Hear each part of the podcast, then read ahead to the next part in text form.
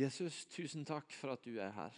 Og tusen takk for uh, ditt ord. Jeg bare lyst til å invitere Deg, Hellige Ånd, til å komme og uh, virke helt fritt blant oss. Blåse livet i ordet. La de ordene som er særlig viktige for den enkelte, få tale og møte den enkelte. Uh, og få puste livet i oss og få betydning for dagene våre utover den stunda vi har sammen. Kom, Hellige Ånd, og vær blant oss. Amen. Oddlaug sa noe om det å vokse opp med en forståelse av at det var vi kristne og de der ute, og en skulle være litt forsiktig med hvor mye en hadde å gjøre med de der ute. Og Hun snakka om denne eføyen som ble som en barriere mellom hun sjøl og menneskene rundt. Um, noe vi har snakka mye om i IMI de siste åra og hamra på, det er at vi, vi, tror at hvis dette landet skal bli nådd med evangeliet, så må for det første Gud gjøre noe, men det må også være en folkebevegelse fra kirka hvor alle vi som tror på Jesus, er en del av den bevegelsen ut mot andre folk. Hvor de der ute ikke er skumle folk, men de er folk vi får lov til å bygge relasjon med, gå sammen med og dele troa vår med. Vi må være ei kirke som er i bevegelse. Og, eh, og Vi har snakka mye om det, og vi er opptatt av det. Og vi elsker å høre vitnesbyrd om at det skjer når alle vi her inne lever et hverdagsliv med Jesus, hvor Jesus blir synlig rundt oss.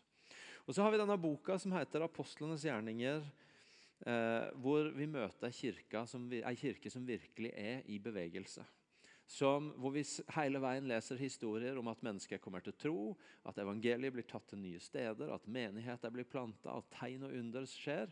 Det, kirka er i bevegelse, det er liv, Guds rike går fram. Og Det er en inspirerende bok å lese. Og så har jeg lyst til at Vi skal hoppe inn i et eh, sted i den fortellinga i dag hvor vi i det ene øyeblikket møter disse første kristne på sitt aller mest menneskelige og så like etterpå på sitt aller frommeste. For jeg tror Noen ganger så kan vi stå litt i fare for å tenke at enten så er livet utfordrende, tøft, vanskelig, ting som tar oss, og da er vi på en måte satt på sidelinja i forhold til den bevegelsen Gud har i verden, det å, det å være med på det Gud gjør. Eller så er vi i flyten, og Guds rike går fram, og vi er midt i det. Og det er halleluja og hurra og alt det der. Men som oftest så er livet ganske mye mer sammensatt. Og disse tingene med utfordring og vekst går hånd i hånd. Jeg har sagt, kalt tittelen 'Vekst i utfordringer og utfordringer i vekst'. Og Det er noe av dette vi ser i disse to, eh, to avsnittene. Jeg skal bare kort si hva de handler om, og så skal vi gå inn i de mer eh, grundig ett og ett. I Apostlenes gjerninger 15 fra, eh, fra vers 36 så står det om at det bryter ut en bitter strid mellom Paulus og Barnabas, som han har brukt å reise med. De begynner å krangle, og de, eh, det bryter ut strid.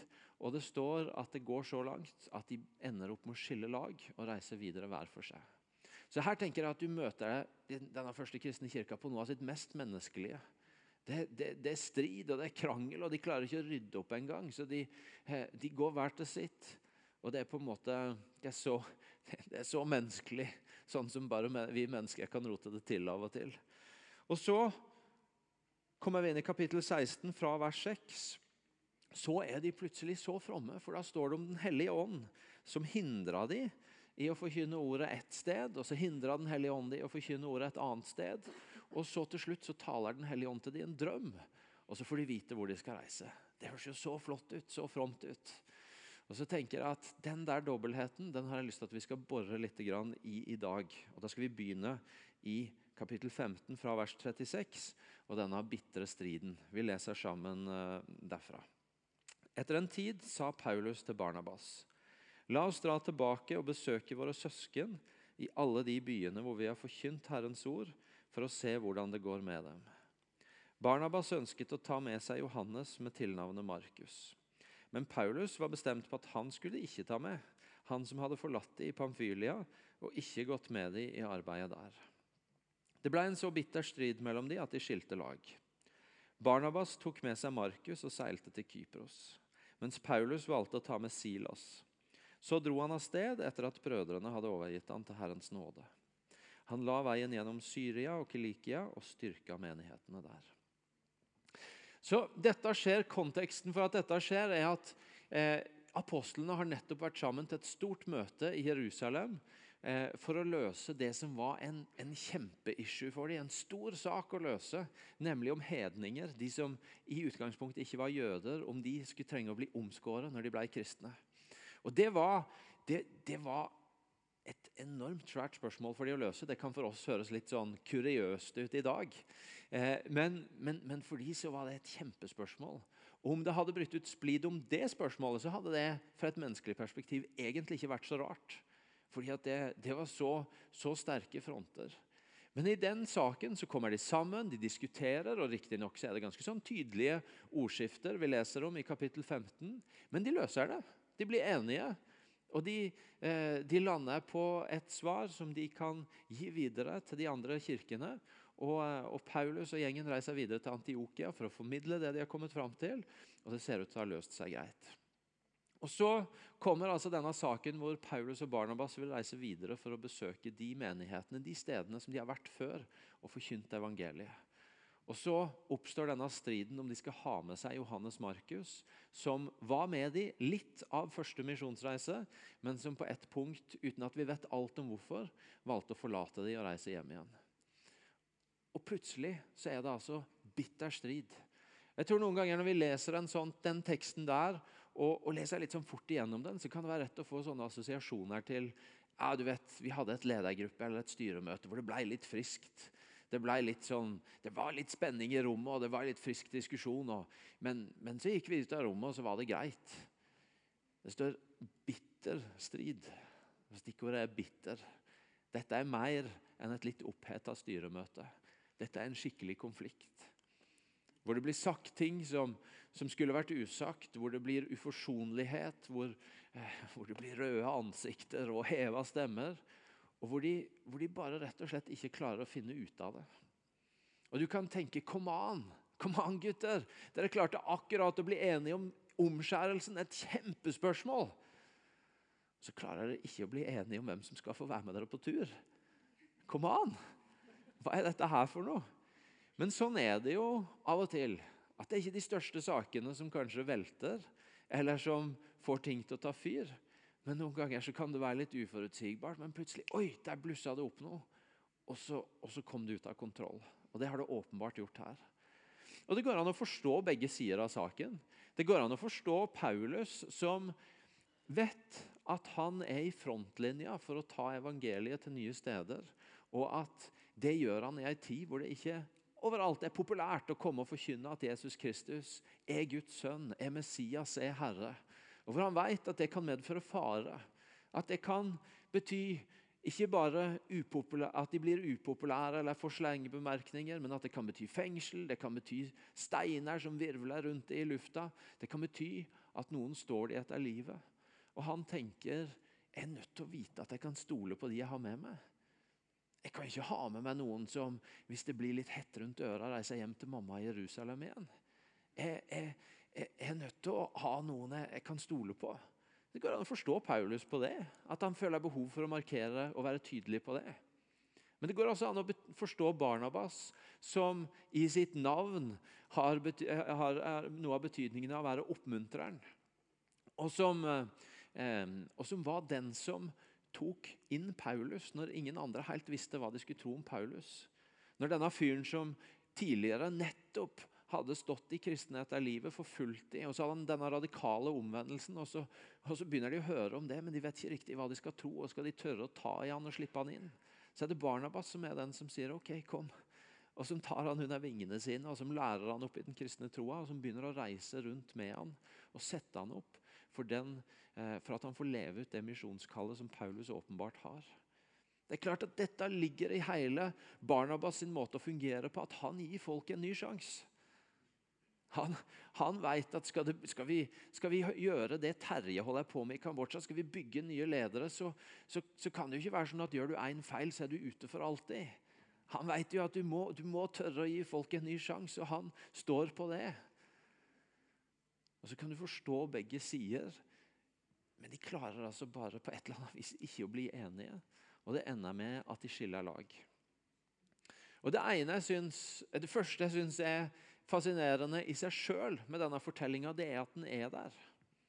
For dette er jo ikke noe som blir skrevet Nyheter her blir jo ikke skrevet sånn som nyheter blir skrevet i vår tid, hvor det er live-oppdateringer live på telefonen til enhver tid, og hvor du kan sitte live og høre at en politiker kaller en annen både det ene og det andre. Men dette er jo skrevet i en tid hvor flere år etterpå så setter Lukas seg ned og forteller historien sånn som den var.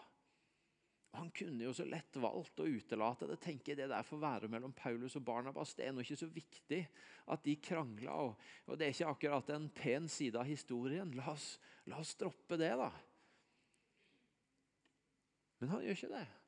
Han velger å fortelle ikke bare det gode, men også noe av det stygge i historien om den første kirka. Og det er i seg sjøl, tenker jeg, noe for oss å ta med at dette her med ærlighet og ærlige liv er ikke bare noe som av og til er en sånn fin verdi som kommer opp i kristne sammenhenger, men det er noe som Bibelen sjøl demonstrerer. En sånn ærlighet på at ok, men la oss snakke om det som var litt stygt òg, da. Det som ikke var helt suksess, det som ikke er med på bare å tegne et sånt glansbilde av den første kristne kirka som, som, som det stedet hvor alt bare var feiende flott. Men det, det var faktisk noen ting der som var ganske vondt òg. Og Det andre er at jeg synes det er fascinerende at Lukas, som skriver dette, han prøver ikke å åndeliggjøre det heller. Han legger ikke inn en eller annen sånn setning om at Gud gjorde hjertene deres harde, sånn at eh, de ikke fant ut av det med hverandre, eller at det var Gud som lot de få krangle fordi at da, da ble det vekst i karakteren deres, eller et eller annet. Eh, han, han, forteller det som det er, og han prøver ikke å pynte på det eller åndeliggjøre det, men det står der som det det er. Nemlig en real krangel, en real strid, som fører til splittelse. Og Det er større grunn til å tro at det står der til skrekk og advarsel, enn til i seg sjøl at det på et eller annet vis skal være oppmuntrende at de begynte å krangle. Og Det går jo an, hvis en skal prøve å ta seg en tur inn i Paulus sitt hode og tenke at kanskje noe av grunnen til at du finner en god del advarsler mot sinne og hva sinne kan føre med seg hos ledere i brevene hans. At han har et eller annet i bakhodet om noe han sjøl har opplevd, som han tenker å, jeg skulle ønske vi løste det der annerledes. Så det er en ærlighet der, og det er ikke en sminking av det. Det er ikke forsøk på å si at noe som var vondt, egentlig på et eller annet vis var bra. Og Samtidig, når det er sagt, og det ligger der, så kan vi allikevel lese ut av fortellinga at med det fundamentet av at det var stygt, og det var ikke bra i seg sjøl, og det var ikke sånn at, noen, at det var liksom noen Guds vilje eller noe, så allikevel ut av det så vokser det faktisk også noe bra. Fordi at det som var meint som én tur for å reise tilbake og besøke de stedene de allerede hadde vært, blir til to reiser. Hvor den ene blir en ny misjonsreise. Den, den reisen hvor evangeliet kommer til Europa for første gang og hvor evangeliet blir planta nye steder, og hvor mennesker blir frelst. Og Det vokser gode ting ut av det. Og Det blir en historie som med utgangspunkt i ærligheten og med utgangspunkt i at dette er ikke en god ting, allikevel bekrefter det Paulus sier i Romerne 8,28. Jeg tror vi får det på skjermen her.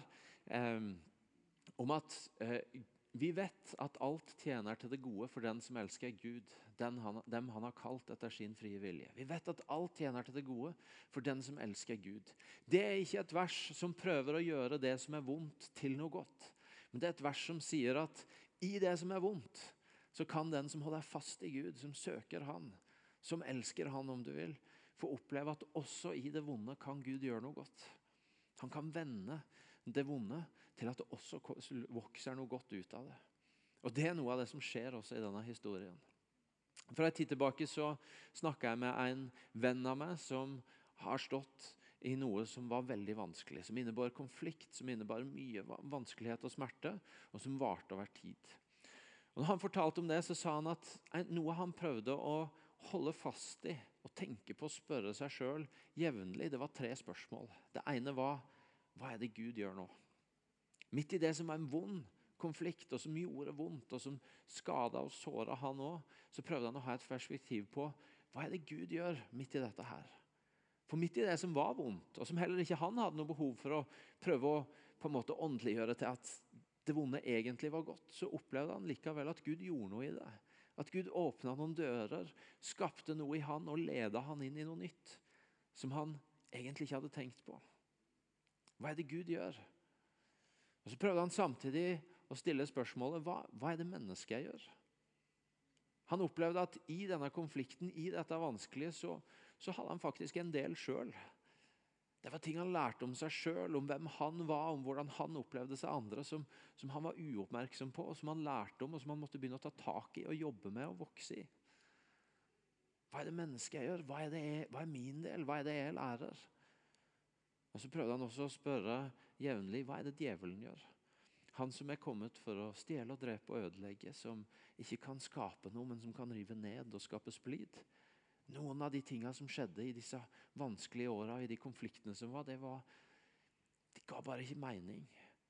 Det kom litt sånn ut av ingenting. Hva er det for noe? Og Det var ikke så unaturlig å tenke at her var det også en som ønska å skape splid, som hadde en del å spille. Det utrolig farlig for oss å bli levende i et virkelighetsbilde hvor vi lever med at det kun er Gud og djevelen som har plass når vi møter noe vanskelig. Når, og, og, nå, nå, hever vi oss litt fra bitter strid og konflikt og tenker når, når, når vi møter på vanskelige ting, enten det nå skulle være konflikt eller tap eller smerte eller et eller annet. Jeg møter av og til mennesker som har et verdensbilde hvor det primært er plass til Gud og djevelen. Og Det er et farlig sted å leve etter hvert. For da blir det et sted hvor enten så er det Gud som står bak dette, eller så er det djevelen som står bak det. Og så er det ingen plass igjen til hva er min del i dette. Hva er det jeg må ta ansvar for? Helt fra skapelsen av fra Gud skapte mennesket, så har han lagt et stort ansvar ned på mennesket for å forvalte det livet en har gitt. Og, og, og, Det blir helt meningsløst hvis vi skal leve ut fra et verdensbilde hvor, hvor vi ikke skal ta et ansvar sjøl og en del sjøl og spørre hva, hva er min del i dette? Hvor er, det, hvor er det jeg trenger å ta tak i ting og vokse på ting? Men tilsvarende så møter jeg noen ganger mennesker som bare lever med perspektivet av, av seg sjøl. Som i møte med det vanskelige er enormt sjølansakende.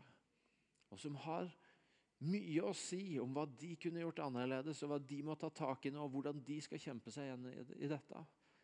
Men som strever med å ha et blikk på at Gud kan gjøre noe oppi det. Og når det er tilfellet, så mister en en tilgang til ganske mye håp. Hvis du ikke har plass til at i det vanskelige at, at, at det bare skal være din rolle, og du ikke har plass til at Gud òg kan være midt i det og gjøre noe. Og det spørsmålet Gud, hva gjør du midt i dette? Så er det ganske mye håp, ganske mye tro, ganske mye mulighet til å se noe godt i det som uansett er vondt, får lov til å vokse fram. Og Så er det djevelen. da. Han, han er ikke så vant til å snakke så mye om, og det er helt greit.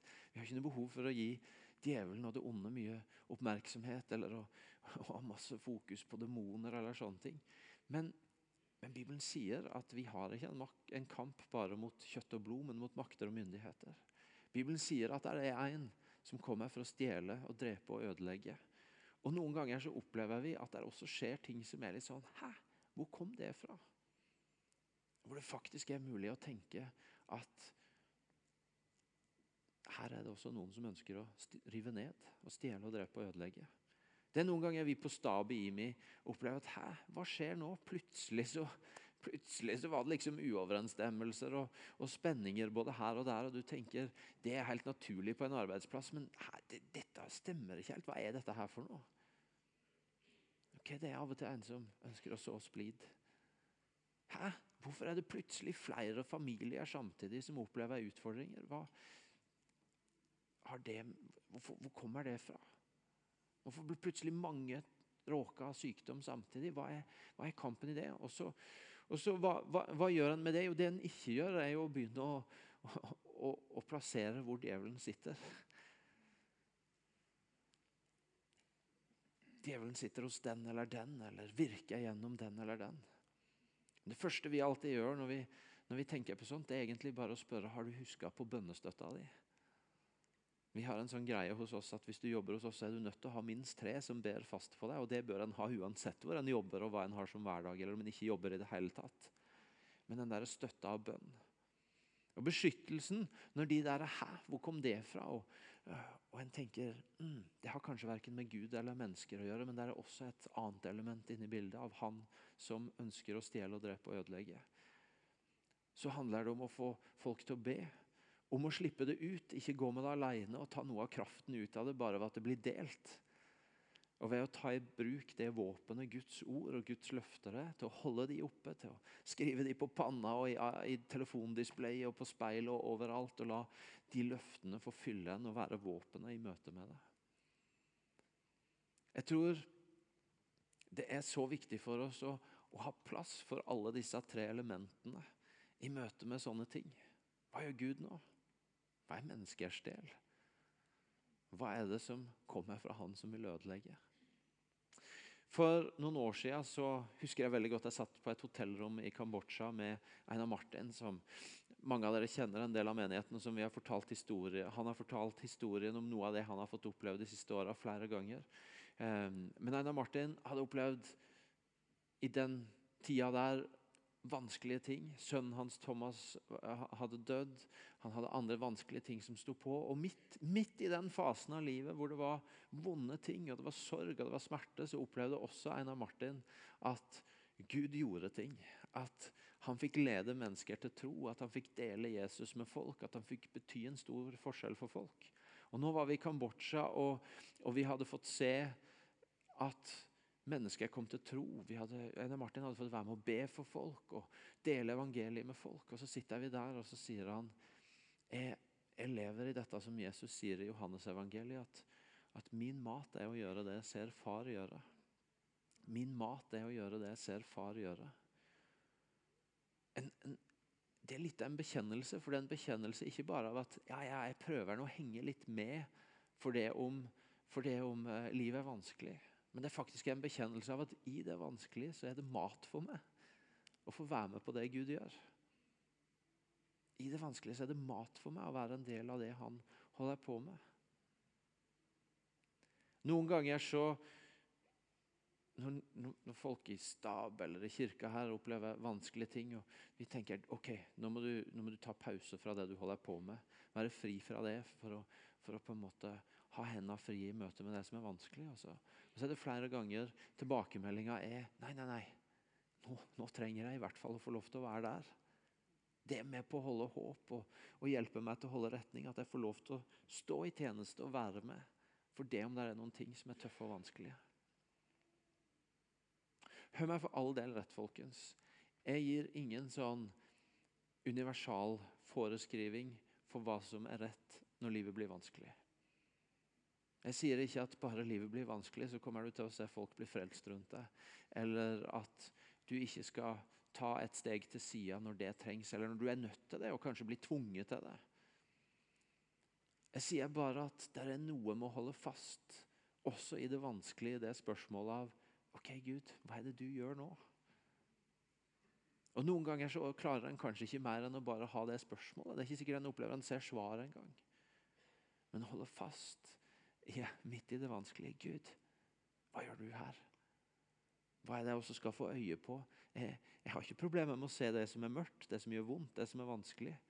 Men jeg trenger å få se også det du gjør. Og få være en del av det, få ha blikket mitt på det. Og Så går denne turen altså videre første verset i kapittel 16 så eh, står det om at Timoteus, en ung mann, blir en del av følget til Paulus. Han reiser ut han, istedenfor Barnabas, så blir Silas med han, og de plukker opp Timoteus på veien. Og Så kommer denne teksten her, som vi leser fra kapittel 16, fra vers 6. Den hellige ånd hindra de i å forkynne ordet i Asia. og Derfor fortsatte de gjennom det frygiske og galatiske området. Da de var kommet nesten til Mysia, prøvde de å dra videre til Betynia, men Jesu ånd ga dem ikke lov. De dro da gjennom Mysia og kom ned til Troas. Om natten hadde Paulus et syn. Han så en makedoner som sto og kalte på han og ba. Kom over til Makedonia og hjelp oss. Da han hadde hatt dette synet, forsøkte vi straks å komme til Makedonia, for vi skjønte at Gud hadde kalt oss til å forkynne evangeliet der. Det er jo i seg sjøl en utrolig snodig hendelse. Et utrolig snodig avsnitt. Måten dette her foregår på. Jeg sa, sa i formiddag Prøv å se for dere at Terje her skal til Kambodsja og kommer hjem og forteller at nei, jeg kom til flyplassen i Amsterdam, og så, så bare stoppa Den hellige ånd meg på gaten når jeg skulle på flyet til Kambodsja. Så jeg prøvde meg på Afrika, da, booka om og fikk en billett til Afrika. Og, men Den hellige ånd stoppa meg på gaten der òg. Så la jeg meg ned til å sove da, for å finne ut hva jeg skulle gjøre. Og mens jeg lå der og sov, så, så blafra Palman fra Maldivene til meg en drøm. Og så Og så når jeg, når jeg sa det i formiddag, så tenkte jeg det hørtes utrolig lukrativt ut at Den hellige ånd sendte den til Maldivene. Og så fortalte Terje meg at det er et av de hardeste landene for evangeliet å komme inn i. Så, så det var kanskje ikke så lukrativt som jeg trodde. Men eh, ikke sant, dere tar poenget. Det er, jo en, det er jo en rar historie. Rar, rar historie. Det som er lett for oss, tror jeg, når vi leser det sånn, det er å, å nærmest hø, lese den og høre det som, er, som, om, som, om, de var på et litt sånn ekstra eh, sterkt og godt bønnemøte. Hvor de på en måte sitter der, denne gjengen, og så, og så, kommer det opp et sted de kanskje kunne dra til. Og så ber de, men nei, nei, Den hellige ånd gir ikke sanksjon på det. Og så kommer det opp et nytt sted, og de ber, også, nei, nei, Den hellige ånd tar ikke det heller. Og så har de bedt så lenge til slutt at de sovner. Og da kommer Den hellige ånd til i en drøm og sier hvor de skal dra. Og Fantastisk for et bønnemøte. Men det er jo ikke det som skjer. Det som skjer, er jo veldig mye mer sårbart. For det som skjer, er at du har et helt ferskt team Paulus og, Silas som er blitt med han fordi, han og Barnabas, fordi Paulus og Barnabas røyk uklar. Og Timoteus som nettopp er kommet med, og en ung mann. Og som skal på en måte prøve å bli trygg på han her Paulus og prøve å finne en vei. Og så, og så er det sånn at den, den, veien de går fra Den hellige ånd, hindrer de på det ene stedet. og De kommer til et nytt sted, og Den hellige ånd hindrer de der. og Det, det er to, to ukers gange. det. Og Det betyr at denne gjengen, dette nye teamet, er ute og går. Og De har i bakhodet at Paulus har nettopp vist at han kan krangle, han, hvis det er det det står om. Og de tenker, de skal begynne å prøve å bli trygge på hverandre. og Så, så går de litt, og så er det nei fra Den hellige ånd. Og så går de to uker til på disse her støvete veiene. Og så er det Den hellige ånd som sier nei igjen. og Vi vet helt hvordan det skjedde. og Om det var en indre sens eller en ytre greie, eller hva det var det, det må ha vært utrolig sårbart. Det må ha vært ganske sånn Hva skjer egentlig nå? Kan vi stole på han? Og, og hvor kommer vi egentlig til å ende? Det er ganske langt fra bildet av et sterkt bønnemøte med Den hellige ånd til sånn støvete, sårbart vandring langs landeveien hvor en ikke helt vet hva som skjer, og, og, og hva en skal tro. Og Det er jo det som er en del av livet med å følge den hellige ånd. At det kan være lett for oss å ha idealbildene av sterke møter hvor det kommer ord og bilder, og hvor Den hellige ånd taler og handler. og Wow! Men i de aller fleste tilfellene så er det en kostnad, det er en pris, det er noe som, som en smerte, om du vil, som følger med når en faktisk går på de tinga. Når en faktisk handler på det. Det er ikke så idyllisk alltid som første øyekast tilsier. Der er en, en, eh, en, eh, en amerikansk sånn ledercoach og ekspert som, som har holdt på i mange tiår og jobba med ledere fra mange steder i verden. Sam Chand. Og han, han sa det sånn at jeg har jobba med ledere fra så mange kontinenter og så mange forskjellige settinger over så mange år. Og, og for meg så koker den egentlig ned til én ting. Og det er at eh, virkningen av lederskapet de sitt kommer tilbake til hvor høy smerteterskelen de sine det kan godt hende at det er en forenkling, men det han sier er egentlig bare at de som når lengst, er de som er villige til å tåle og utholde mest. Om det er en forenkling eller ikke, det vet jeg ikke. Men det er noe som, et perspektiv der som er ganske relevant for dette her òg. Nemlig at det er en kostnad ved å gå på det Gud leder deg. Det er en kostnad ved å leve i den der strømmen av at Gud handler og Guds rike går fram og evangeliet går fram. Det er noen ganger når vi sitter og prosesser ting som skjer ut fra kirka vår, og vekst som skjer her, og, og, og, vi feirer alt det gode, og så snakker vi om det som skjer, og så, så blir det av og til konklusjonen at vekst det gir nye problemer. At det som egentlig liksom Ja, tenk når det skjer, da blir det bra. Og så er det bra. Men vekst gir også nye problemer. Og Vi har folk i denne kirka som har tatt ganske radikale valg på det Gud har ledet dem til. Dere har hørt historien om Arne som sitter på blå gruppe og opplever at Gud taler til han der mens han sitter og forkynner for barna om at han skal bryte opp og starte et arbeid for papirløse, for de rettferdighetsløse. Og De av oss som har fått snakke litt med Arne underveis, vet at den, den, reisen han har vært på med å kjempe for dem, det, det er det en kostnad ved. Arne er ikke den som klager. Så Arne, Arne holder mot oppe og snakker om det som er spennende, men det han har gjort, det er det en kostnad ved. Vi har folk i, folk i denne menigheten som har opplevd at Gud har tilskynda dem til å slutte i jobben sin. Og som det har gått både uker og måneder og mer enn det før en har fått klarhet i OK, hva nå? Og Det kan høres fromt og tøft ut når en forteller at nei, nå går jeg på det Jesus sier. Men det er også en kostnad når du er i tredje, og fjerde og femte måned og ikke riktig vet ja, men hvor er det du vil med dette, Gud? Det er en kostnad også rent ned i hverdagen, selvfølgelig, når Den hellige ånd leder og, og, og utfordrer oss på gå og del et ord med den personen. Gå og forson deg og be om tilgivelse med den personen. Gå og be for han eller hun. Det er jo en kostnad ved det òg. Det er kult når Gud taler, men så skal du gå de stegene hvor du er villig til å ta den prisen. Vekst i utfordringene, utfordringer i vekst. Livet er ikke sånn at enten så er det livet tøft, og du er på sidelinja, du er utafor det Gud gjør. Eller så er du i strømmen, og det er framgang, og det går bra, og du er med på ting. Livet er heller ikke sånn grått litt imellom. Men livet er dette her spennet av å våge å i det vanskelige tro Gud og se Gud og hva Han gjør. Og i det, når Gud taler, og det kan være spennende, og ikke stoppe når du går fra spenninga i at Den hellige hånd taler, men å være villig til å betale prisen i det han leder inn i. Det er dette livet i misjon, denne folkebevegelsen, hvor vi alle velger å være der. Hvor enten innsteget er at det var vanskelig, eller innsteget er at nå virker Gud sterkt. Så er vi villige til å stå med det og holde fast på det, og gå dit Gud leder oss. Skal vi reise oss opp og be sammen?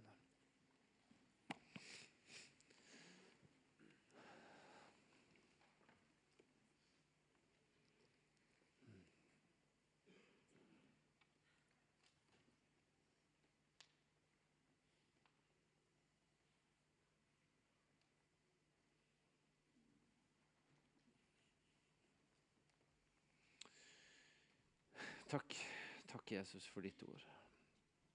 Takk Hellige Ånd for at du både kan virke i det vanskelige, sånn at det som er vanskelig, også kan vendes til noe godt. Og for at du taler til oss og leder oss og utruster oss til å stå i det som er støvete og sårbart, men som er din ledelse. Jeg har lyst til å be deg for de av oss her inne som akkurat nå står i det vanskelige, og som kjenner smerten av det, og som kanskje til og med har kjent seg på sidelinja pga. det. At selv om en er på sidelinja, eller er satt ut, eller står i noe vanskelig som tar mye av tid og krefter og tanker og kapasitet, at en kan få lov til å ved din ånd ha også et fokus, Jesus, på hva er det du gjør nå? Hva er det du gjør midt oppi dette? Hva er det som skaper tro og håp og liv fordi at du, du i, i, ditt bilde er en ikke på sidelinja, men en, en, en del av det du gjør.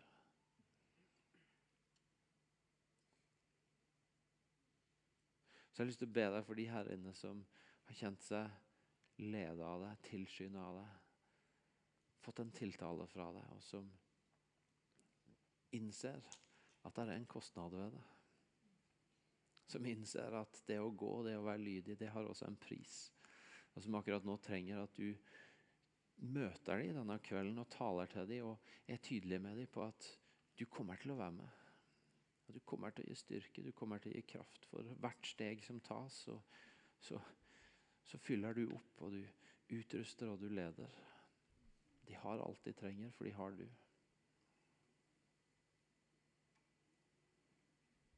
Jeg ber deg mot og tro til å gå. At du våger trofastheten og lydigheten på det du leder i.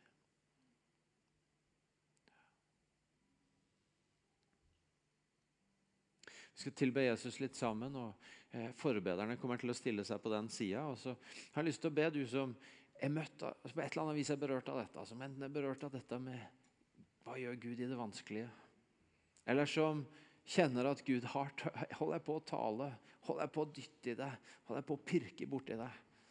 Men du trenger å vite at han kommer til å være med deg når du tar de stega ut. La, la noen be for deg. La noen be om Guds tiltale, Guds ledelse, Guds utrustning, sånn at du får stå i det. Skal vi lovsynge sammen, og så er du velkommen til forbønn. og Så kommer sikkert Stiv med noen kunnskapsord og litt av det etter hvert, men nå tilber vi, og så søker du forbønn som ønsker det.